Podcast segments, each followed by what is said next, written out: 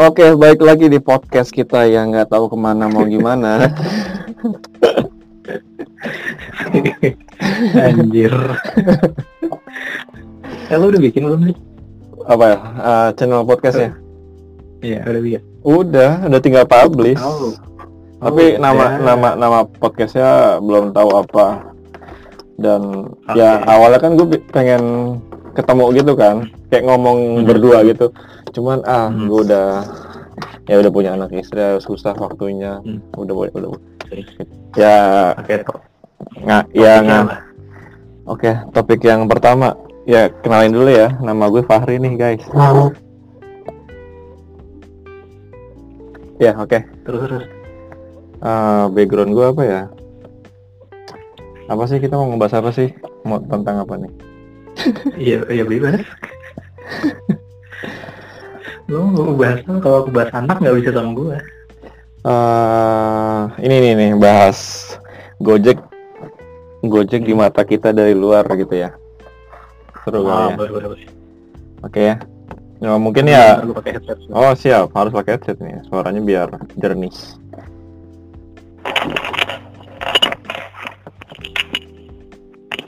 Halo. Ya, oke yang lebih bagus nih. Oke teman-teman podcaster, ini adalah podcast baru kita.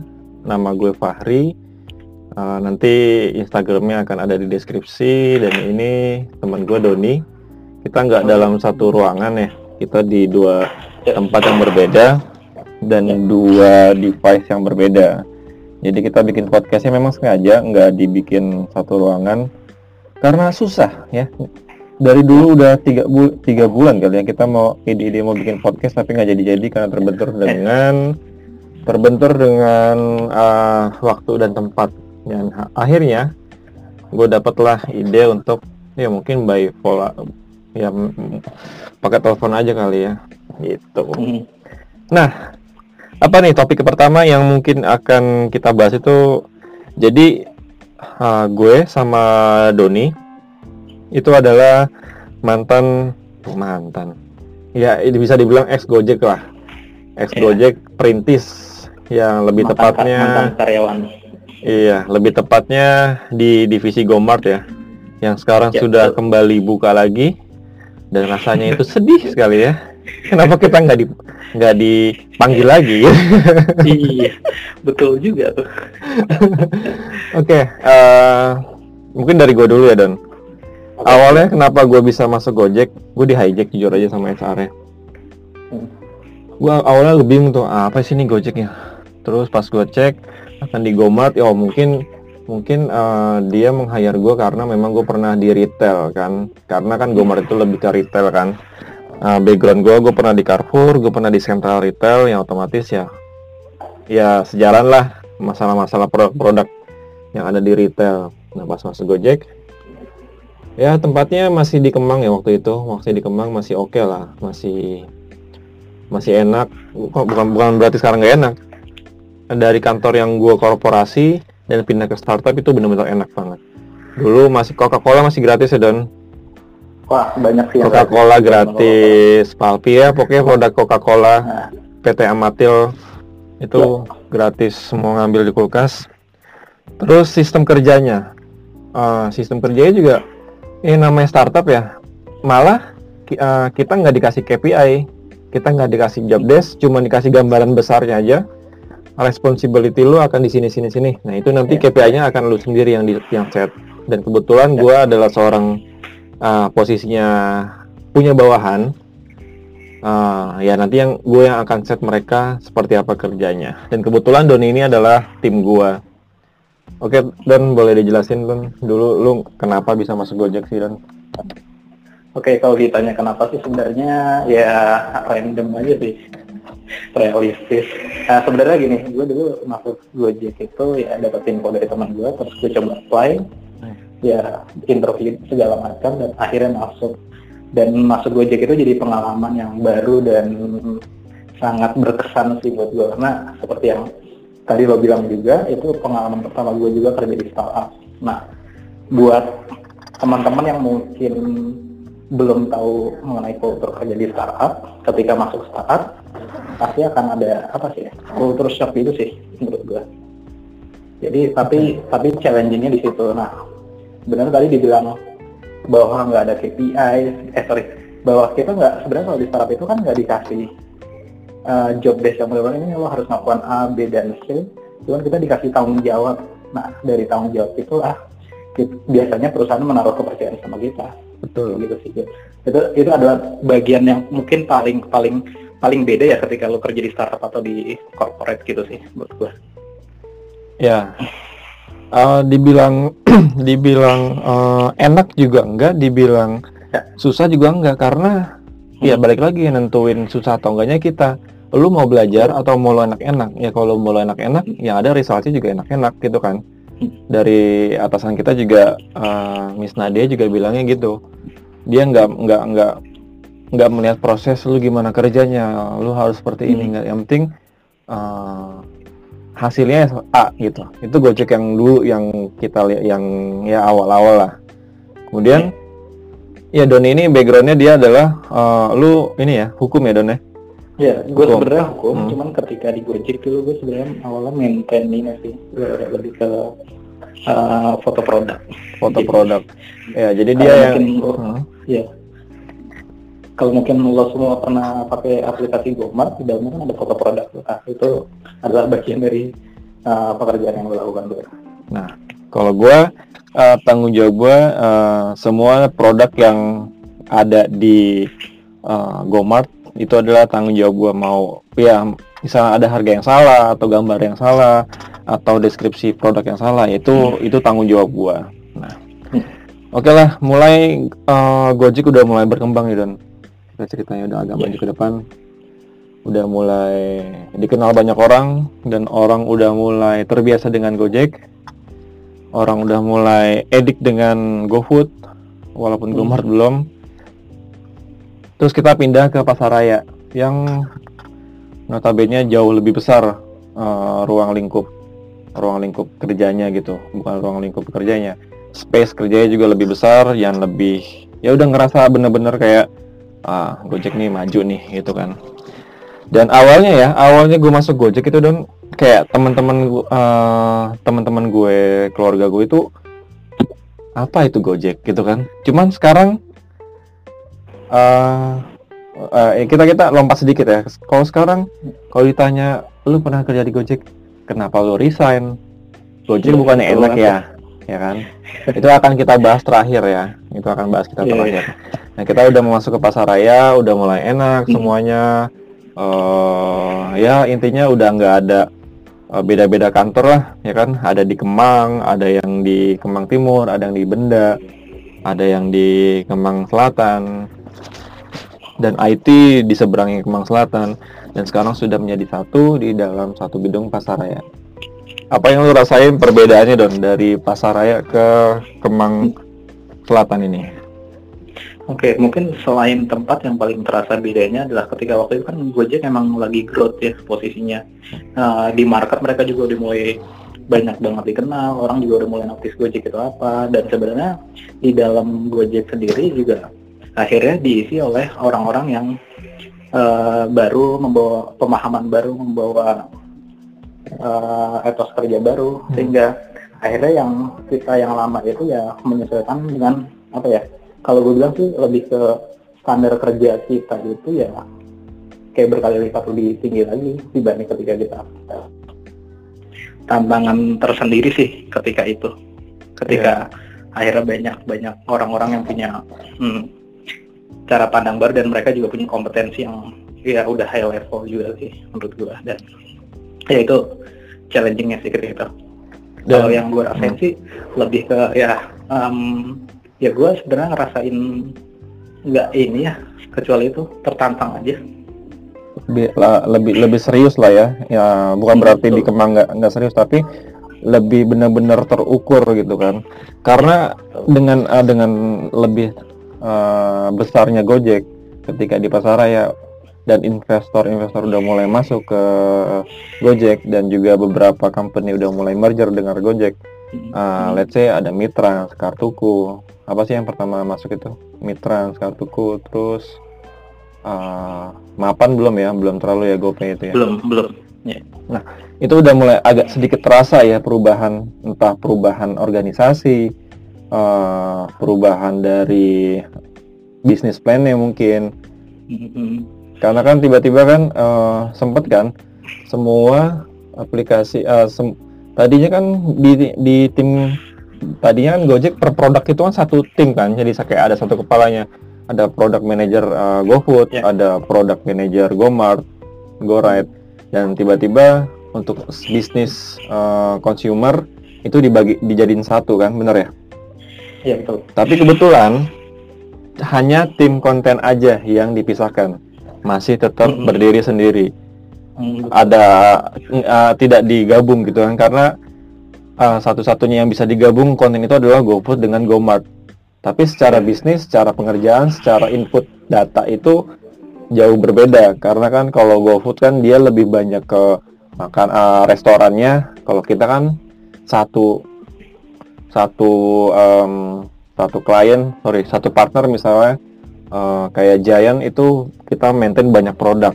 Tapi kalau di GoFood sebaliknya dia maintain banyak restoran menunya sedikit gitu. Nah dari situ kan udah mulai ada perubahan betul ya Don ya? Ada mulai perubahan uh, secara bisnis oke konten nggak bisa digabung nih tapi yang tim partnershipnya itu bisa digabung. Dan tiba-tiba hanya beberapa bulan itu berubah lagi. Balik lagi. Sesuai dengan uh, sesuai dengan produk yang ada di dalam Gojek itu. Benar ya Don ya? Iya. nah ah, kenapa sih kenapa bisa secepat itu? Kalau menurut lu gimana Don? Halo, gimana? Ya, itu kan eh, itu ada beberapa perubahan eh, Iya. organisasi. Terus tiba-tiba kenapa bisa berubah cepat? Apakah itu memang apakah itu memang ada faktor dari eh, setelah merger atau setelah datang investor Mhm, baru itu mhm. atau gimana? Atau memang dari bisnis plan dari Nadimnya sendiri? Oke, em, ini yang gue tahu juga ya. Kebetulan sekarang Mhm. gue juga lagi ngurusin mengenai ya peralihan dan sebagainya gue Mhm. kerja gue yang sekarang. Dan gue sih berusaha memahami apa yang uh, diputuskan oleh manajemen Gojek ketika itu karena memang ketika investor masuk biasanya mereka akan membawa beberapa requirement. Nah, di skalanya Gojek ketika itu em, requirementnya bisa jadi adalah untuk agar organisasi lebih efektif aja sih menurut gue karena Hmm. itu kan waktu itu yang paling terasa adalah berapa kali bongkar pasang struktur organisasi dan lain sebagainya tim A pindah ke B dan sebagainya dipecah lagi Hmm. nah itu sebenarnya em, bisa dibilang itu sebenarnya adalah eh, sebenarnya hal yang biasa terjadi sih ketika investor masuk nah em, impactnya buat sebagian dari karyawan ketika itu termasuk gue sama lo juga mungkin ya ya kita ngalamin yang bisa dibilang kayak roller coaster Hmm. struktur ketika itu sih dan sebenarnya hal-hal yang biasa sih menurut gue Oke, hal yang biasa ya. Memang kalau memang ada ada eh, ya contohnya kayak pernikahan gitulah ya. Kita kan sendiri tiba-tiba ada eh, istri masuk pasti ada sesuatu hal yang berubah yang biasa memang terjadi, Ya. betul Don ya? Oke. betul betul Nah, kemudian eh, ada yang bikin terutama di tim kita ya, tim gue gini. Tiba-tiba eh, para perintis Gojek yang bisa dibilang tanda kutip perintis Gojek Hmm. adminnya itu tiba-tiba dilemparin ke outsource. ya itu otomatis itu otomatis bikin bikin eh, psikis dari setiap eh, admin itu akan jadi down nih Mhm. kan. ya Jadi, ya. ya mungkin mungkin lu nggak ngerasain dan mungkin iya gue juga ngerasain karena kan lu ada level supervisor dan di bawahnya lagi Hmm. ada ada tim admin. Itu yang yang bikin gue kaget. Dan Ya. setelah lamban laun gue ngobrol sama orang yang yang ngajak ngobrol, ya memang itu Hmm. agak ada sepantasnya seperti itu karena memang untuk level perusahaan yang udah middle up, yang udah bukan startup lagi, dia tidak mau memikirkan lagi requirement dari level admin. Nah, gimana Hmm. gimana pendapatan eh, pendapatan? Pendapat lu gimana? Iya itu itu sesuatu yang menurut gue dilematis sih kita gitu ketika itu ya. Um, gue termasuk dan lo juga termasuk orang yang beruntung ketika itu nggak nggak ketarik. rasanya itu. Tapi coba ya tapi bayangin gimana orang-orang yang emang udah bertahun-tahun kerja di sebuah perusahaan yang udah ikut berkontribusi terhadap perusahaan itu di satu saat ketika perusahaan udah makin growth dia merasa kayak terkesan ditinggalkan. Dan itu menurut gue dilemanya sih uh, ketika itu dan gue mencoba memahami dari sudut pandang karyawan ya pasti akan akan akan ada apa ya um, yang ngedown lah dari hmm. se secara mental um, dan gue nggak tahu ya sampai sekarang apakah masih dilakukan hal seperti itu tapi sebenarnya secara apa ya karena gue kan orang hukum juga nih uh. jadi gue gue juga memahami konteks undang-undang ketenaga kerjaan yang saat ini ada. Hmm. Sebenarnya ada beberapa hal yang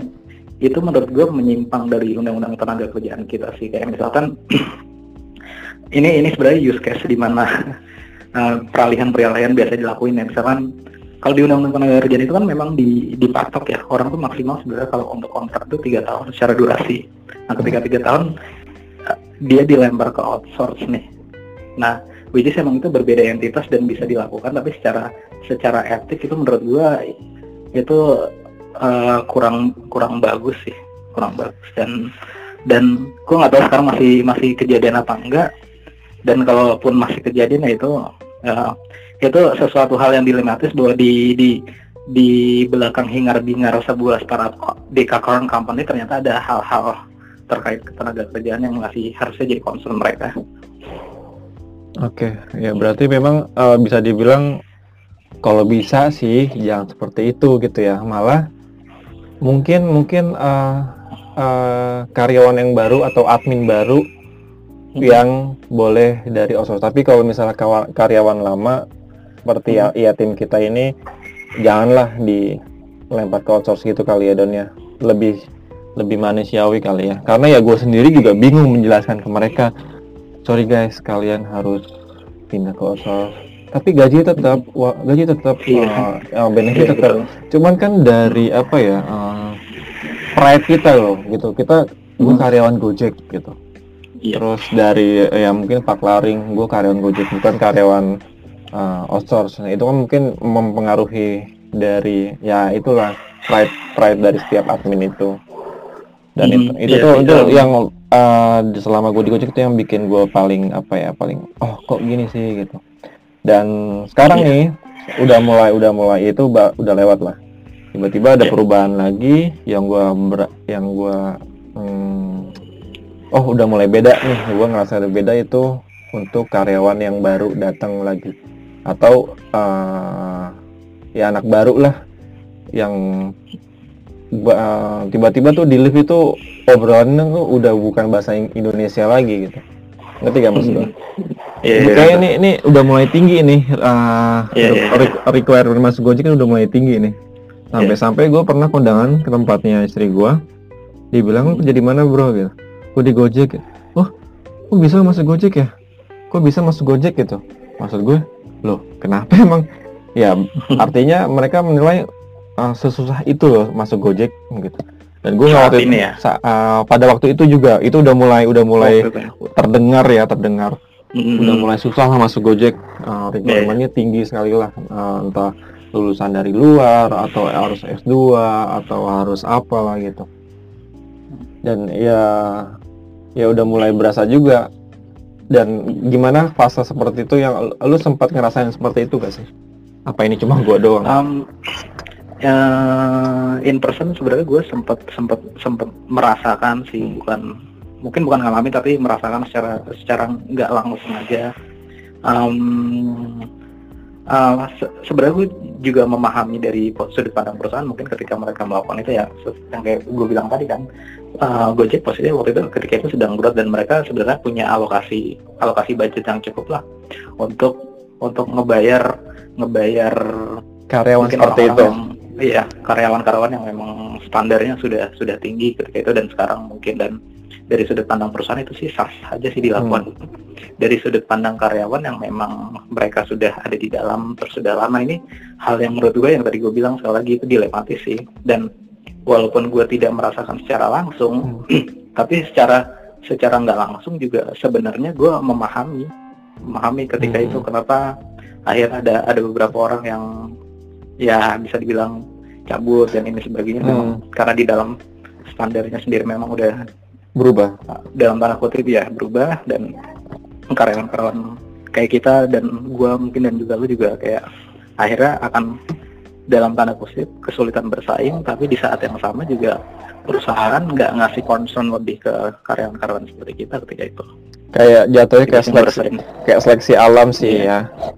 Iya. Iya dan oke okay lah sekarang kita udah mulai udah udah 22 menit nih.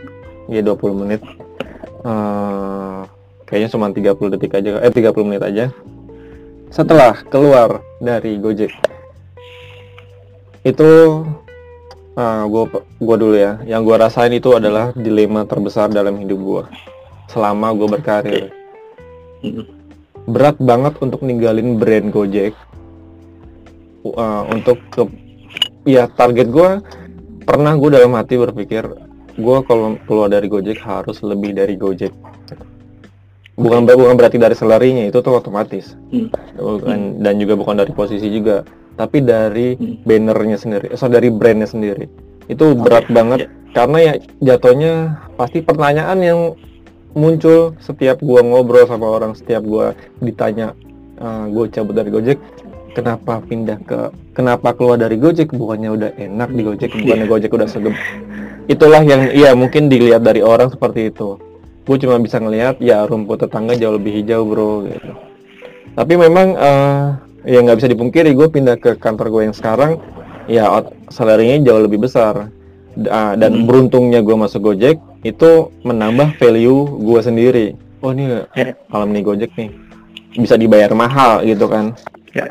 Dan terjadilah memang di kantor gue yang sekarang tapi yang adalah dalam waktu tiga bulan ini gue agak masih galau masih gue masih belum rela gue masih belum hmm. bisa nerima kenyataan ini gue harus keluar hmm. dari hmm. perusahaan yang sekarang udah besar hmm. sekarang yang hmm. udah dekakorn yang udah mulai dilirik dari asing dan sekarang apalagi yeah. udah ke uh, Vietnam udah ke Singapura ya udah ke Thailand sekarang gue harus ninggalin itu itu tuh dilema terbesar gue gue ngerasa aduh sampai-sampai gue pas resign gue pengen minta itu ID card buat kenang-kenangan gue itu nggak dikasih hmm. terus oh, iya, iya gue pengen minta nggak dikasih terus yang terakhir gue ke Gojek itu kalau nggak salah gue minta uh, pajak ya kalau nggak salah PPH ya. Hmm. Hmm. dan itu gue ngerasa sedih banget aduh gue udah nggak pakai ID card Gojek lagi sampai itu kayak kalau nggak salah udah udah empat bulan ya September Oktober November hmm. Desember empat bulan gue udah keluar tapi gue masih ngerasa sakit Hmm. Apakah lu um, merasakan hal yang sama Don? Um, Oke, okay. kalau dari gua sih sebenarnya nggak nggak sedilematis oh lu ketika gue lebih ya gue ya. Gue lebih lebih ke yang oke okay, um, gue udah udah cukup waktu di sini kayaknya gue harus cari opportunity yang beda deh. Iya, lu lu berapa tahun di Gojek gitu sih? Berapa tahun? Gue tiga tahun sih. Oh tiga, tahun. tahun sih. Gue dua tahun. Atau tiga tahun. Gue dua tahun. Gue hampir tiga tahun, kayak dua tahun sebelas bulan atau sepuluh bulan. Hmm. Gue lupa deh. Nah, pada saat itu sih gue nggak terlalu dinamatis. Karena gue pikir pada waktu itu emang gue ini yang niat. Oh. gue okay. emang ketika itu gue mutusin oke. Okay, kayaknya cukup lah. Gitu. Uh, buat gue cukup. Gue akan cari cari opportunity yang baru dan kejadian ketika itu gue kerja lagi di e-commerce terus sekarang gue kerja lagi di tempat yang berbeda dan hmm. sebenarnya um, di luar hal-hal tersebut yang akhirnya bikin gua kangen lagi ya suasananya jadi ketika jadi ketika udah lama baru nih berasa lagi nih kayak misalkan sekarang baru gua ngerasain wah gila kalau gue masih kerja di Gojek mungkin enak kali ya. Kayak gue juga mikirnya sekarang tuh kayak gitu lah. Iya ya terus tapi ya itu bukan jadi penyesalan terbesar gue sih ya. Hmm. gue jalanin aja untuk saat ini. Kalau dibilang nyesel sih nggak cuma masih ada kebanggaan hmm. lah gitu. Uh, ya betul. kalau misalnya ada yang nanya lagi nih uh, hmm. lu kenapa kenapa keluar dari Gojek? Gojek bukannya Gojek udah enak? Ya ya, ya karena karena Gojek enak terus gue pindah keluar ya berarti artinya ada sesuatu yang memang lebih besar dari Gojek dong. Ya gue itu yang bisa gue banggakan. Jadi ya itu ya. sebenarnya denial ya. sih denial.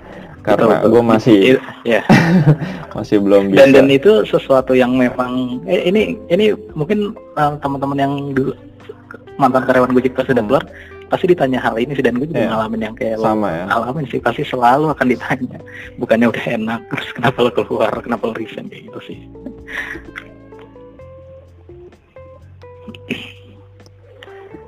Bentar, bentar. Ada ada WhatsApp.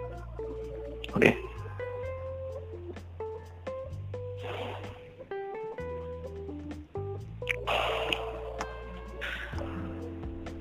Oke, okay, uh, eh, ya itu sampai mana tadi? Oh, Oke, okay. kita ada keluar dari Gojek. Terus ngelihat teman-teman lama-lama, lama-lama uh, habis juga kan dari tim Gomart ya terutama dari tim yeah, Gomart yeah. lama-lama habis juga tinggal beberapa orang aja. Yang dan gue yakin juga mereka akan jawab jawabannya sama eh bukan jawabannya mereka akan sama yang kita rasain juga kali ya kenapa keluar dari uh, Dekakon company Gojek ini gitu. Pasti kan ada sesuatu kan. Dan ya yang gue rasain juga kalau gue lihat-lihat ya di requirementnya Gojek sekarang pun memang jauh lebih tinggi lagi dibandingin ketika kita pas hmm. cabut apalagi yang kita baru masuk pas kita yeah. cabut aja udah tinggi Betul. terus sekarang pas gue cek lagi lebih tinggi lagi berarti kan memang yeah. ini perusahaan udah bukan kecil lagi udah bukan startup lagi ini udah udah culture ini juga udah multinational company sih gitu. Iya, gue udah yakin banget culture udah jauh berbeda banget sih ini. Cuman ya untuk teman-teman yang memang masih uh, mau kerja di Gojek ya silakan banget sih ini benar-benar ke kantor yang menurut gue sih uh, kantor terbaik ya. Uh, gue ngerasa bangga banget kerja di kantor Gojek karena yang gue tahu Nadim ini bukan nyari orang yang hanya untuk kerja doang gitu karena dia dia juga mencari karyawan yang bisa mengeluarkan ide-ide kreatifnya, ide-ide yang inovasi karena ya. memang kan ya karena karena inovasi yang ada di dalam Gojek ini Gojek bisa maju ya kan. Hmm. Karena dari dari Nadim pun dan teman-teman uh, co-founder lainnya juga uh, nggak nyangka juga mungkin akan seperti ini pasti. Karena kan dari hmm. ngapain sih? Ya mungkin kayak jatuhnya kayak ini loh Don. Kayak Aqua. Ngapain sih aqua dijual? Sekarang orang yeah. mau nyari minum gue mau beli aqua padahal yang dibeli fit. Yeah. itu pertama. Kayak um, odol. Odol kan dulu nama brand kan?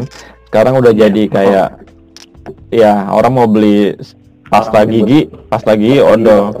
Sama kayak orang jualan teh botol padahal dia yang yang dia beli ST gitu. Nah Gojek pun juga yang yang gue rasain sih kayak gitu juga. Udah digojekin aja. Udah naik gojek naik gojek gitu. Udah nggak ada lagi tuh nama ojek itu udah hilang sekarang ya. Benar nggak sih? Ya dari situ ya mungkin kalau gue sih bangga banget sih gue udah pernah bagian dari gojek. Kalau lu masih bangga nggak sih jadi anak gojek Ah, oh iya pasti lah. Oh pasti ya.